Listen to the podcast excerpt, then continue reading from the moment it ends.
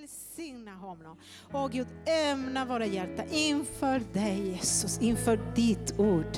I Jesu namn. Halleluja. Amen. Gud välsigne dig. Amen, amen. Kan bara fortsätta eh, rikta våra hjärtan mot Gud och be tillsammans. Halleluja, halleluja. Jesus, vi älskar dig så mycket. Jesus, vi älskar dig. Jesus, vi älskar dig, du som har älskat oss först. Tack att vi får vara samlade här i ditt namn den här dagen. Tack att du är här mitt ibland oss. Tack för din ljuvliga närvaro. Tack för din kärlek och som vill möta med vart, vartenda hjärta den här söndagen. Tack Jesus, tack Jesus. Åh Jesus, jag ber att du ska låta ditt ord och din ande få verka i oss. Och så att vi får och kunna lyfta våra hjärtan, lyfta vår blick och se på dig. För det är dig allt handlar om Jesus och vi älskar dig, vi ärar dig, vi, vi prisar dig, vi lovar dig. Halleluja. Halleluja. Amen. Tack vänner. Varsågod och sitt.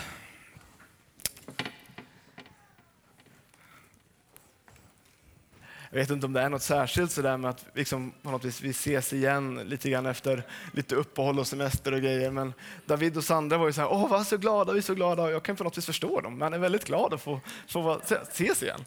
Det är jättekul. Eh, och till saken hör jag att jag har ju även andra glädjande saker bakom mig. Eh, förra veckan eh, så var ju vi på Dalagården eh, med några från ungdomsgruppen, ledare ungdomar eh, och hakade på Livets Ord Family Youth Camp. Eh, så vi hade jättebra dagar med mycket tävlingar och lek och skön gemenskap. Eh, jag vet inte om bilden är med oss Alex, men den dyker eventuellt upp här. Ser Då har vi, vi har, längst bort till vänster har vi Milka in action på en tävling. Sen har vi Emily längst till höger och så Adriel gömmer sig bakom trumpeten. Sen Sebastian Staxet och sen massa ungdomar. Visst är det härligt att se? Eh, ja, men var, man var så glad. Vi hade som förväntan på att Gud skulle göra saker den veckan. Men så ändå, Gud han är så bra på att ändå överträffa vår förväntan. Eh, så då, då, är det bra att vi har förväntan och sätter den högt. Ja, men det var så härligt verkligen både se hur vi som ledare och ungdomar kunde smälta ihop och ha kul ihop och sen hur Gud gjorde sak från dag till dag. Visst hade vi bra ni som var med? Ja. Bra, det var några stycken. En del som var, var med var inte här. Men eh, Judith, jag hade ingen bild på dig, men det var väldigt kul att du också var med. Visst hade du också bra? Skönt, skönt. Eh, men sen har vi då efter, det, efter den här härliga veckan varit hemma nu en vecka och haft lite eh, semester på hemmaplan. Och jag kan säga att det har varit väldigt mycket cyklande för min älskade son. Han fick en, son för, eller en cykel för ett år sedan. Ser ni vad glad han är? Eller? Ja, bara strålar.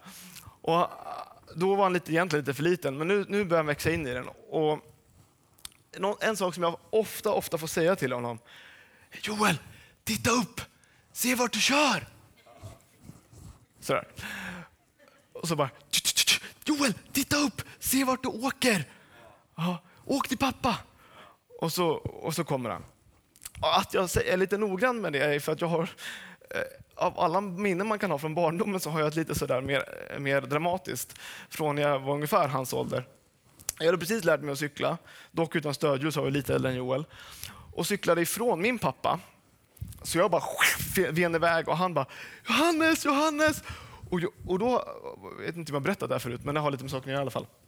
Att då, då så hade jag sett på TV, på, eh, jag vet inte vad, inte vad Tour de France eller någonting, eh, där man, där man ser, ser, cyklisterna, de är, kurar ihop sig så här. Va? Och, och det gör de ju för att det ska bli så lite luftmotstånd som möjligt. Men jag, och de tittar ju fram och håller, håller liksom koll på vart de åker. Men det fattar ju inte Johannes, typ fyra år då. Utan han tänker att de cyklar så här. Eh, så det, det slutade faktiskt ganska illa. Jag cyklar rakt in i ett lastbilsflak. Och först så rök den ena tanden och sen rök den andra. Så hade jag en glugg i en massa år tills de växte ut. Men nu har jag framtänder som ni ser. Eh, men det är viktigt vart man riktar sin blick. Amen.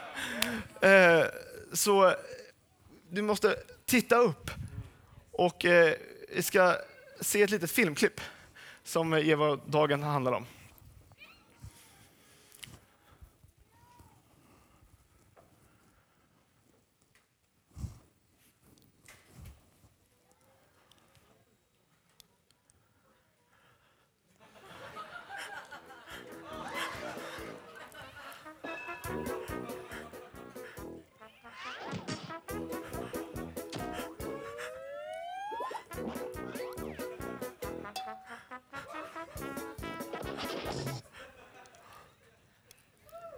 Ja, lyft blicken mina vänner.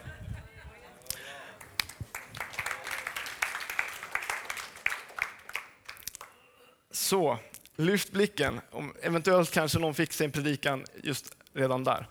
Uh, uh, jag predikar till mig själv kan jag ju ärligt medge. Men uh, dit vi riktar blicken, det påverkar hur vi ser på på oss själva, hur vi ser på saker runt omkring oss. Och om vår blick är sänkt så finns det en rätt stor risk att vi inte ser saker som vi borde se dem. Och om vår blick riktas åt höger eller vänster, skriften säger, har blicken riktad rakt fram. Jesus han säger att jag är vägen, sanningen och livet. Jag är inte diket, sanningen och livet. Så, så att eh, rakt fram, framåt, uppåt, utåt kan man säga. Eh, men jag tänkte vi skulle börja med, med eh, ett, ett ganska välkänt bibelord, men jag tänker det känns så givet att starta där. Eh, det handlar om Abraham, så vi går till första Moseboken 13.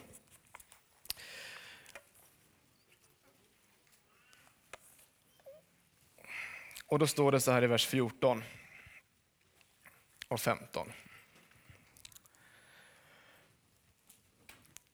Herren sa till Abraham efter att Lot hade skilt sig från honom. Lyft din blick och se dig omkring från en plats där du står mot norr, söder, öster och väster. Hela det land som du ser ska jag ge åt dig och dina efterkommande för evig tid. Lyft din blick från den plats där du står. Du kan inte lyfta din blick från någon annanstans. Du befinner dig någonstans i livet. Jag vet inte exakt hur din sommar har varit eller vart du är. Men från där du står, lyft din blick. Från där du står, lyft din blick. Se dig omkring. Så kommer du att se det Gud vill att du ska se och han kommer tala till dig. Det är så han jobbar. Det finns fler tillfällen i Abrahams liv. Sen bara ett par kapitel senare så står det att, att Gud tog ut Abraham och så sa han, se upp mot stjärnorna. Återigen fick han lyfta sin blick, han fick se upp och då fick han löftet om att hans avkomlingar skulle bli så talrika som stjärnorna. Likadant, så sen vi hoppar framåt i kapitel 18, så står det om att när Abraham satt vid tält öppningen när dagen var som hetast, så såg han upp och så fick han se hur han fick besök av Gud själv. Och där fick han sen det specifika tilltalet om att Isak skulle komma ett år senare. Så det finns någonting i att när vi ser upp, när vi lyfter vår blick, så kommer Gud att tala till oss. Och jag tror att eh, det här är ju för all del ingen rocket science, det är ganska basic på ett sätt. Men likväl tror jag att vi kan behöva påminnas om det ibland. Står även där i att när Gud talade till, till Abraham Se upp mot himlen och räkna stjärnorna om du kan räkna dem. Och han sa till honom, så ska din avkomma bli. Och Abraham trodde på Herren och han räknade honom det till rättfärdighet. Så det handlar om att se upp, höra vad Gud säger och sen tro på det. Amen. Så det finns mycket man skulle kunna säga om att lyfta din blick, men jag har försökt koka ner det till tre punkter idag. Och Det första är ju liksom grunden för allt. Lyft din blick för att se Gud. Fader vår som är i himlen. Det hörs ju redan där att om vi ska se honom behöver vi titta uppåt. Och när vi gör det så kommer han att tala till oss.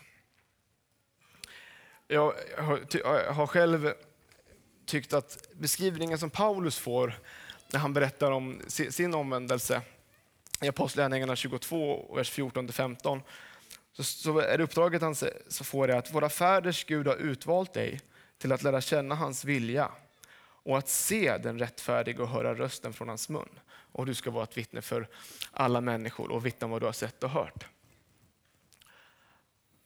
Vi ska lyfta vår blick för att se den rättfärdige, höra hans röst, lära känna hans vilja och sen kunna vara vittnen för honom. Amen. Eh, sen måste jag säga att jag har hittat en, jag tycker en fantastisk dialog som är så otroligt spännande. Från Josua kapitel 5.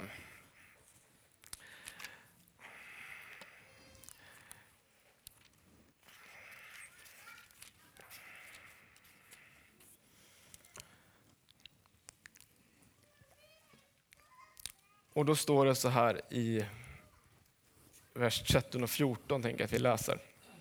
Men det handlar egentligen om ett lite större parti även efter det står så här då i vers 13. Medan Josua var vid Jeriko hände det en gång att han lyfte blicken och fick se en man stå där framför honom med draget svärd i sin hand. Då gick Josua fram till honom och frågade honom Tillhör du oss eller våra fiender? Han svarade nej. Jag är befälhavare över Herrens här. Nu har jag kommit. Så, nej, jag är varken eller. Är du med oss eller våra fiender? Nej. Jag tycker det är så fantastiskt svar. Nej, jag är befälhavare över Herrens här. Nu har jag kommit. Då föll Josua ner till jorden på sitt ansikte, tillbad och sa till honom vad har min herre för budskap till sin tjänare? Och då får han till svar från befälhavaren över Herrens här. Ta av dig dina skor för platsen där du står är helig. Och Josua gjorde så. Här, återigen, så är det, är det ganska tydligt, eh, särskilt när man fortsätter läsa sen, att Josua inte bara får ett besök av någon övernaturlig varelse, någon ängel eller så, utan det är faktiskt Gud själv som kommer i gestalten av befälhavaren över Herrens här. Annars skulle inte Josua ha fallit ner till, för att tillbe. Och han hade inte heller sagt åt honom att ta av dig skorna för platsen där du står i helig mark. Det var precis vad Gud sa till Mose när han kallade honom vid brinnande busken. Och igen, han lyfter blicken, han får se Gud och Gud får tala till honom. Och vad är det han säger sen? Om man, om, ni, om ni sen läser vidare i kapitel 6, så, för, så det han gör är att han instruerar Jesua för striden, hur man ska inta Jeriko och låter honom förstå att det är Gud som ger honom staden i hans hand. Att eh, striden är Herrens, inte hans egen. Och som sagt, som jag sa förut, jag vet inte hur, vart du befinner dig i livet idag, hur din sommar har varit. Men vi har väl alla, alla våra kamper av olika slag, saker som vi går igenom, som vi, som vi brottas med. Och bara som en uppmuntran till dig, kom ihåg att striden är Herrens. Han är på din sida, han strider för dig. Om du känner dig sänkt till, till ditt mod, till ditt hjärta, till din blick, lyft din blick. Lyft din blick. Jag tänker också på ett, eh, ett annat tillfälle i Bibeln då det är så att Elisha, eh, han heter så i nya översättningen, Elisa i gamla. Eh, han har sin tjänare och de är omringade av fiendehärar. Och det känns ju eh, då rätt så tungt, de är två mot, mot en hel armé. Och då står det så här i Andra Kungaboken 6, 15-17. När gudsmannens tjänare tidigt på morgonen steg upp och gick ut, då hade en här med hästar och vagnar omringat stan. Tjänaren sa till gudsmannen, Åh min herre, vad ska vi ta oss till? Han svarade, var inte rädd. De som är med oss är fler än de som är med dem. Och Elisha bad, Herre öppna hans ögon så att han ser.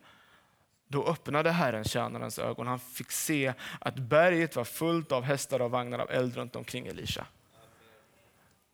Amen.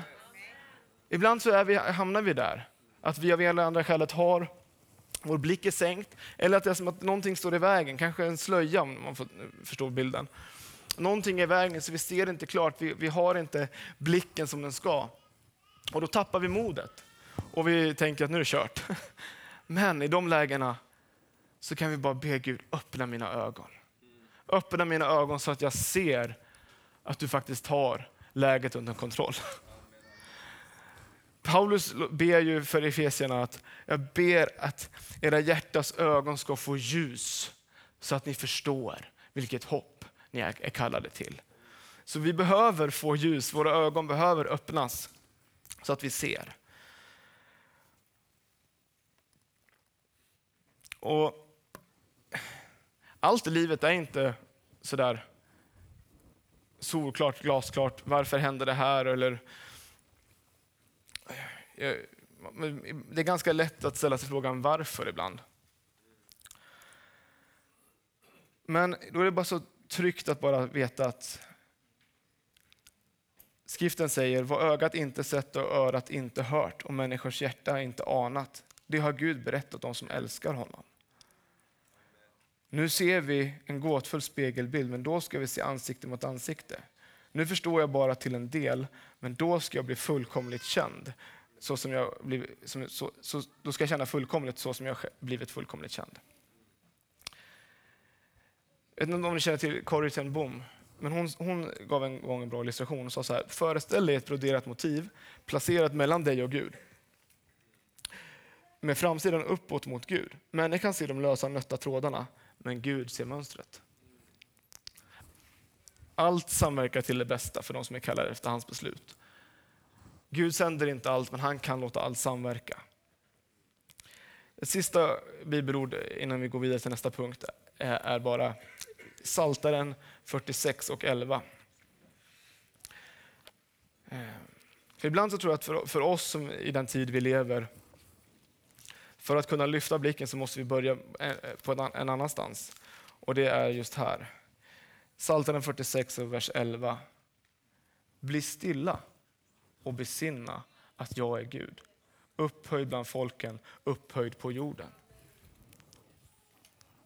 Vi måste bara lugna ner oss, släcka lite sus och brus. Tystnad är inte farligt. Och då kan vi bara komma till insikt, just det, det är, jag, det är inte jag som är Gud, det är ditt jobb. Och då kan vi lyfta vår blick till honom som är upphöjd över jorden. Amen. Så lyft din blick för att se Gud, han som är den upphöjde. Och då när vi ser att Gud är Gud, då, vet, då behöver vi inte heller tvivla på att det han säger här, om han står för det eller inte, utan det vet vi att han gör. Han både kan och han vill hålla sina löften. Han går att lita på. Till skillnad från somliga andra som kan vara ironiskt och man vet inte vad menar du egentligen. Men Gud går att lita på. Så, eh, det här hänger ju någonstans ihop, men nästa punkt jag tänker på är, är lyft blicken, lyft din blick och se hoppet. Kanske se hoppet återvända för någon. För hopplöshet, hopplöshet bygger på den falska premissen att du vet att det slutar illa. Men jag vet hur det slutar och det kommer sluta illa. Hopplöshet räknar bort Gud ur ekvationen. För att vi, vi, vet ju att det står att utan tro är det omöjligt att behaga Gud, för den som kommer till Gud måste tro att han finns till och att han lönar den som söker honom. Så då måste vi tro att han finns till och att han är intresserad och förmögen att kunna gripa in i våra liv. Och när vi tänker på det, då finns det alltid hopp. Amen. när man går med sänkt blick så är det lätt att man, att man tappar perspektiv. när man går med sänkt blick och kanske är lite bekymrad så är det också väldigt lätt att man förlorar perspektiv. Eh, I Markus 16 och vers 3 och 4 så står det om när de här kvinnorna går till graven efter, eh, efter uppståndelsen egentligen. Men det vet de inte om, utan de går dit och är bekymrade. Och så står det att de sa till varandra, vem ska rulla bort stenen från gravöppningen åt oss? De går och är bekymrade, hur ska vi lösa det här? Liksom ha, ha huvudet fullt av praktiska problem. Men så står det, men när de lyfte blicken fick de se att stenen var bortrullad och den var mycket stor. Det var redan löst. Jesus han hade ju sagt att han skulle uppstå på tredje dagen. Han höll sitt ord, så det var inga problem. Sen fanns det ingen kropp att smörja in, det är en annan sak. Men när de lyfte blicken så såg de att det här vi var bekymrade över behövde vi inte vara bekymrade över.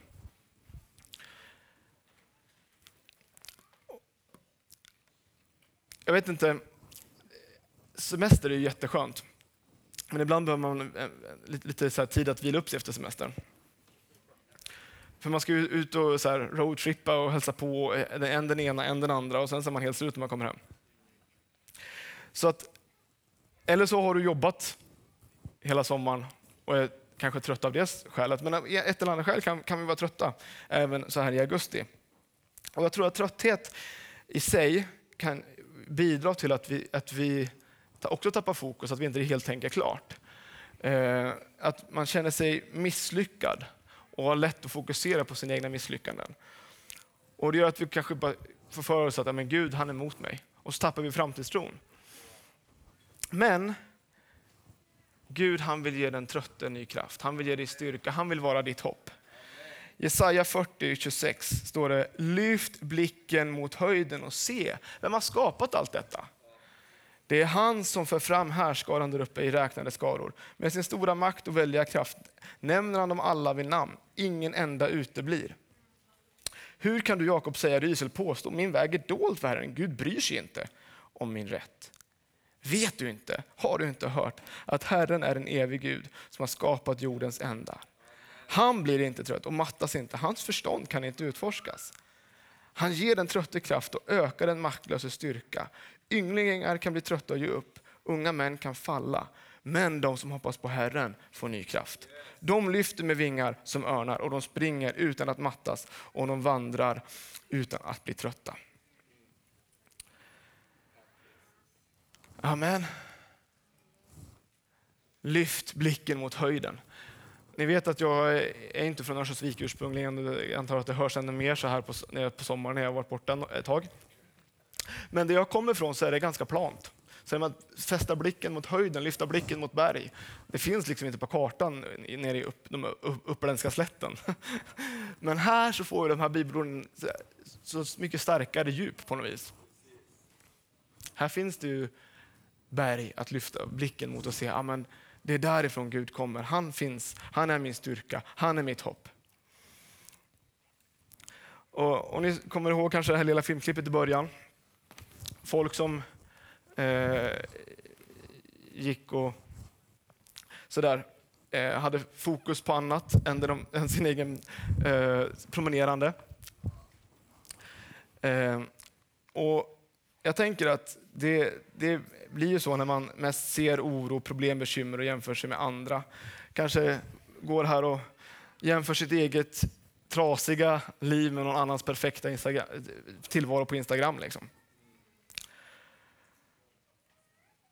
Hur den är, vad den gör, gör som att vi liksom sänker blicken där, så tränger det oss undan från Guds hjärta. Men Gud han vill visa oss sin godhet och trofasthet. Och är det något som du bekymrar dig över, något som du är orolig för, ta det till Gud i bön. Amen. För Gud vill veta vad du bär på. Han vill ge dig styrka och vara ditt hopp. Han vill visa dig godhet och trofasthet. Ja, precis där har ni gänget som förtjänar som påminnelse. Um, jag, eh, en liten anekdot apropå sommartider. För några somrar sedan så när vi skulle bada så var det ganska kallt och så hoppade jag i och så när jag kom upp så bara hade jag fått nackspärr. Någon som också haft nackspärr? Det är inte skönt.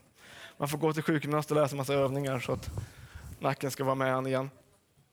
Men nackspärr kan ju i sig vara något som också gör att det blir svårt och lyfta blicken. Men har du fått andligt nackspärr så tror jag att Gud vill komma till dig idag och mjuka upp så att du kan, så att du kan lyfta din blick. Den sista saken som jag tror att är, och det kanske egentligen är, är den, det, det som är, är, är bäst på att lyckas få oss att låta bli att lyfta blicken. Det är det här, ett svartmålande över tillvaron, över våra egna liv. Vi låter synden, skammen och såren definiera oss. Och Det gör att vi förlorar vår frimodighet och vi vänder oss från Gud. Men det är inte så vi ska göra. Vi ska, när, när, när vi hamnar här då ska vi vända oss till honom. För han vill visa oss att det faktum är det är vår synd, vår skam, våra sår som är själva skälet till att Jesus dog. på korset. Istället för att vi ska svartmåla oss själva och våra liv så vill han tvätta oss rena, måla oss rena om du så vill, med Kristi dyra blod. Och då kan vi vara frimodiga igen. David ber, skapa i mig Gud ett rent hjärta och ge mig på nytt en frimodig ande. Det här hänger ju så, så, så nära ihop. Men i eh,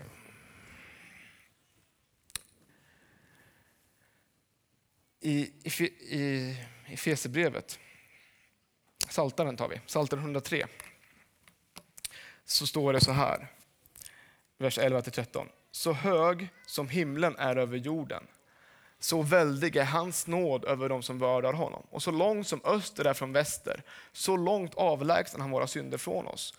Så som en far förbarmar sig över barnen, så förbarmar sig Herren över dem som vördar honom. Och i Efesierbrevet 1 och 7 står det, i honom är vi friköpta genom hans blod och har förlåtelse för våra synder. Så om vi ser att det finns förlåtelse i Kristi kors, att hans blod har friköpt oss och vi har fått förlåtelse. Och att Gud han ser till att vår synd försvinner. Är det det det poetiska säger här? Så behöver inte synden vara en blöt filt som gör att vi inte kan lyfta vår blick. Utan vi kan se Gud och vi kan se att det finns hopp. Och istället för att då vi lever i förakt så får vi förlåtelse och försoning. Istället för att vi känner oss förnedrade av en eller annan så får vi bli förvandlade. Och istället för att vi låter fruktan få råda så får vi leva i förtröstan. Och istället för att förvirring får styra och ställa så får Guds frid råda i våra sinnen. Psaltaren 34 och 6 säger att den som ser upp till honom strålar av glädje. De behöver inte böja sina huvuden i skam. Så att när vi ser upp till honom som är vår frälsare så kan vi släppa skammen och vi kan göra detta i glädje. Amen.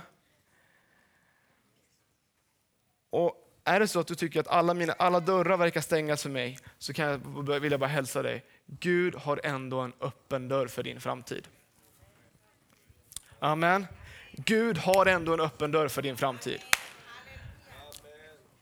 Jeremia 31 och 17 säger, det finns hopp för din framtid, säger Herren. Det finns hopp för din framtid. Det är inte bara att det låter fint, det här är Guds ord, så det går att lita på. Det finns hopp. Amen. Men när vi ser upp till Jesus, vi ser att han, han är vår Gud, han är vårt hopp. Och han får möta hans kärleksfulla blick som befriar oss från det som tynger oss. Så blir det också att vi får se hans hjärta som blöder, inte bara för oss, utan för hela världen. Så det blir den tredje saken. Lyft din blick och du ser människorna. Jag tror inte att, vi, att det, det kristna livet riktigt går att leva fullt ut om vi bara det, det lever jag och Jesus. Visst, det börjar där. Sen är det vi och Jesus. Absolut. Men det behöver komma fler. Gud vill att alla människor ska bli frälsta.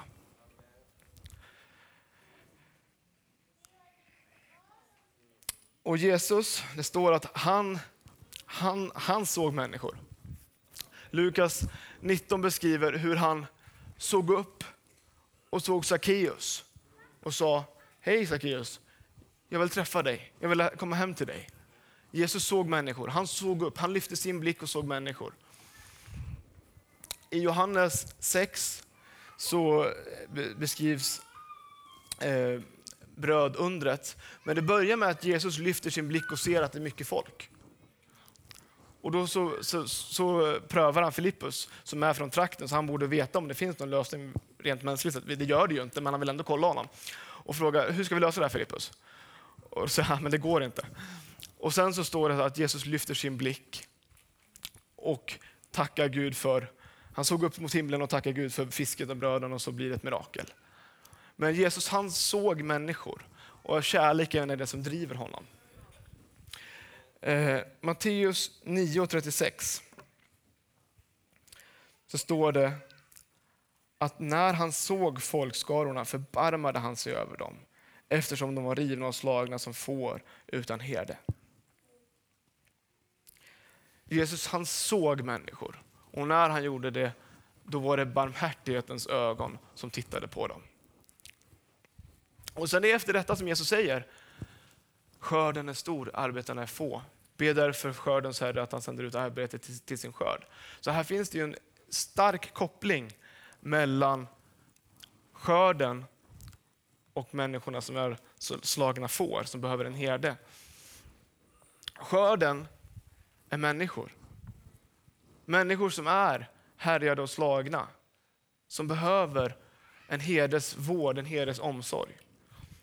Och vi kan vara överherdens förlängda arm som sträcker sig ut till dessa människor. När vi är villiga att lyda skördens Herre och gå ut och arbeta för skörden så kan vi få möta de här människorna som är trasiga och sargade. Och det, det är så det blir när, när Kristi kärlek får driva oss. Vi ser människor som han ser dem och, och vår tro är verksam genom kärlek. Och vi älskar därför att Jesus först har älskat oss. I Johannes 4 och 35 så står det, apropå kopplingen mellan skörden och, och människor. Säger ni inte fyra månader till, sen kommer skörden. Men se, jag säger er, lyft blicken och se hur fälten har vitnat i skörd. Lyft blicken, se människorna, se skörden. För att när skörden kommer måste vi se att det är människor. Nu hopp, varken tror jag eller hoppas på något sätt att det skulle vara ett problem i vår församling, men i vår, i vår värld så har vi tyvärr en, en, en, eh, en sak som har hamnat väldigt snett. Vi eh, tenderar att använda oss av människor, utnyttja människor och älska prylar. När det egentligen borde vara så att de här prylarna, de är förbrukningsvara. De kan vi använda oss av och utnyttja, men älska människor. Men det, det är det här som är materialismen kärna på något sätt och som är själva grundproblemet i vår samtid. Att man älskar det materiella och bryr sig inte om människor. Men, medan det är faktiskt så att vi ska lyfta blicken och se människor. Älska dem, bry oss om dem betydligt mer än vi bryr oss om materiella saker.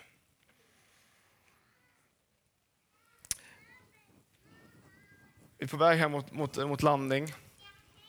Eh, man kan väl säga att, att eh, det som på något sätt skulle sammanfatta allt det här är att när vi lyfter vår blick så fäster vi den i Jesus. För gör vi det, har vi fäst vår blick på Jesus, då faller allt annat på plats. Då ser vi honom. Och då vet vi att det alltid finns hopp. Och har vi honom för vår blick, då spiller hans kärlek över på oss, från oss och vi ser människor. Amen.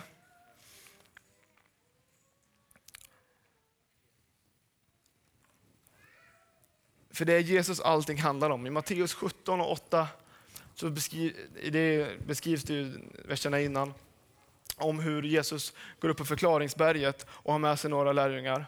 Och de får se honom i härlighet och Mose och Elia. Men så står det sen i vers 8. Och när de lyfte blicken såg de ingen annan än Jesus. Amen.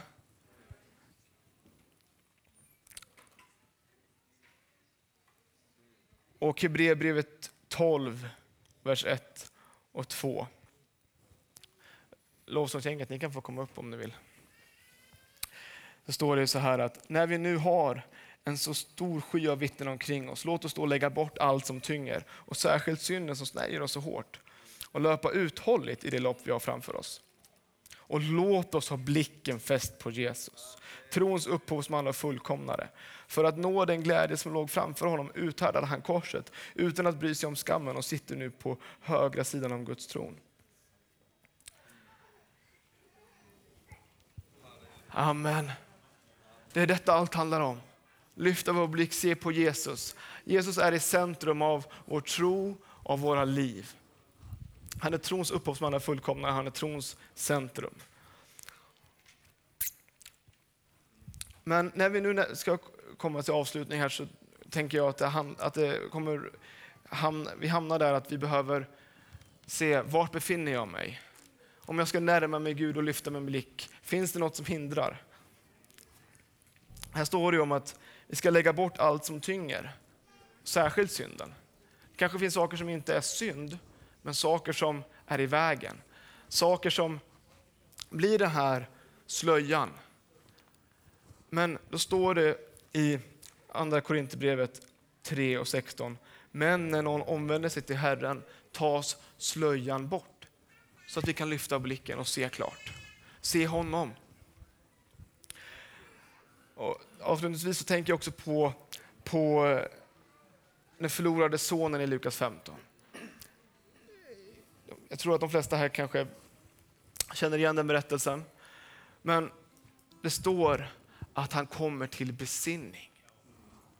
Han kommer, ah just det, det är faktiskt bättre hemma hos pappa än här i gyttjan. Och så går sonen och så förbereder han ett slags förlåtelsetal. Och han, han, han går uppenbarligen med sänkt blick, han, för annars hade han sett det som det beskrivs om Fadern. Att han ser sonen på långt håll och skyndar mot honom. Men sonen han ser ju inte det på en gång, för han har sänkt blick. Men om du och jag vet om att det är så vår far i himlen är. När vi, det står i Jakob 4.8 att närma er Gud så ska han närma sig er. Att när vi kommer tillbaka till vår far så kommer han springande mot oss med sin kärleksfulla famn. Ah. Kanske kan ta och ställa oss upp tillsammans.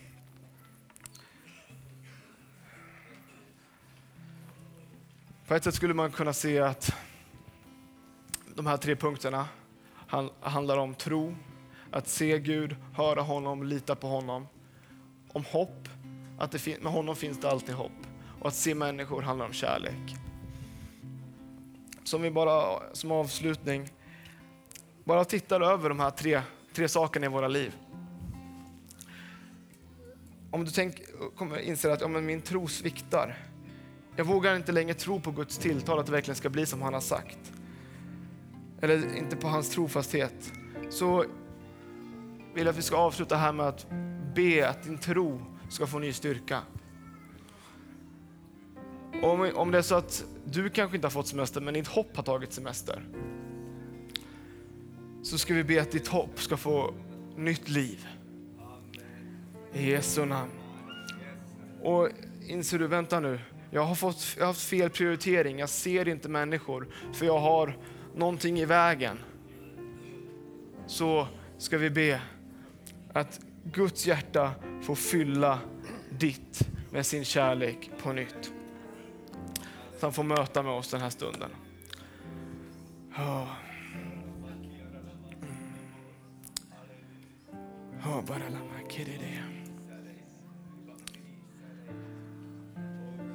Jesus, tackar dig Jesus. Att du är här och att du känner vartenda hjärta. Tack Jesus att du vet precis var vi befinner oss. Jesus, du vet vad vi tvivlar på, vad vi brottas med. Men jag ber Jesus att du ska låta i denna stund, den som har tron som sviktar, att du ska ge ny styrka. Ny styrka till tron. Och det hoppet och verkar vara borta, så be att du ska ge nytt liv till hoppet. Och tack att du hjälper oss att lyfta vår blick och se dig. Och se att med dig så finns det hopp för vår framtid. Och med dig så finns det en framtid för oss. Och med dig så finns det alltid en utväg. Du går att lita på, ditt ord går att lita på. Vi lyfter vår blick Jesus, vi ser på dig. Vi ser på dig. Och Jesus jag ber också att du ska låta din Andes kärlek på nytt få röra vid våra hjärtan. Så att vi ser människor i vår omgivning, att när vi lyfter vår blick och ser oss omkring från där vi står, att vi ser människor och att du kan använda oss, och leda oss och låta våra liv få vara en beröringspunkt mellan din kärlek och andra människor. Halleluja. I Jesu namn.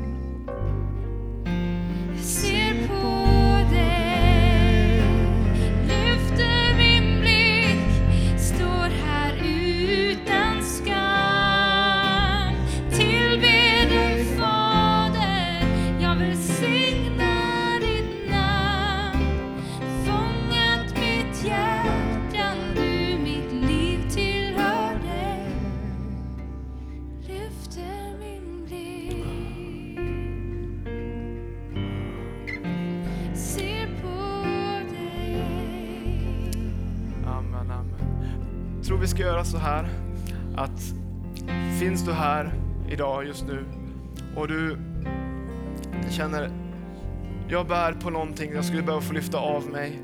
Eller mitt mod är sänkt, jag behöver få hjälp att få kunna lyfta min blick igen. Så finns förebedjare här och vi vill kommer få lämna öppet här så att du kan få komma fram. Eller har du något annat behov där du behöver få hopp och tro och kärlek, så bara kom fram. Ja, kom fram så ska vi, ska vi be med dig, be för dig.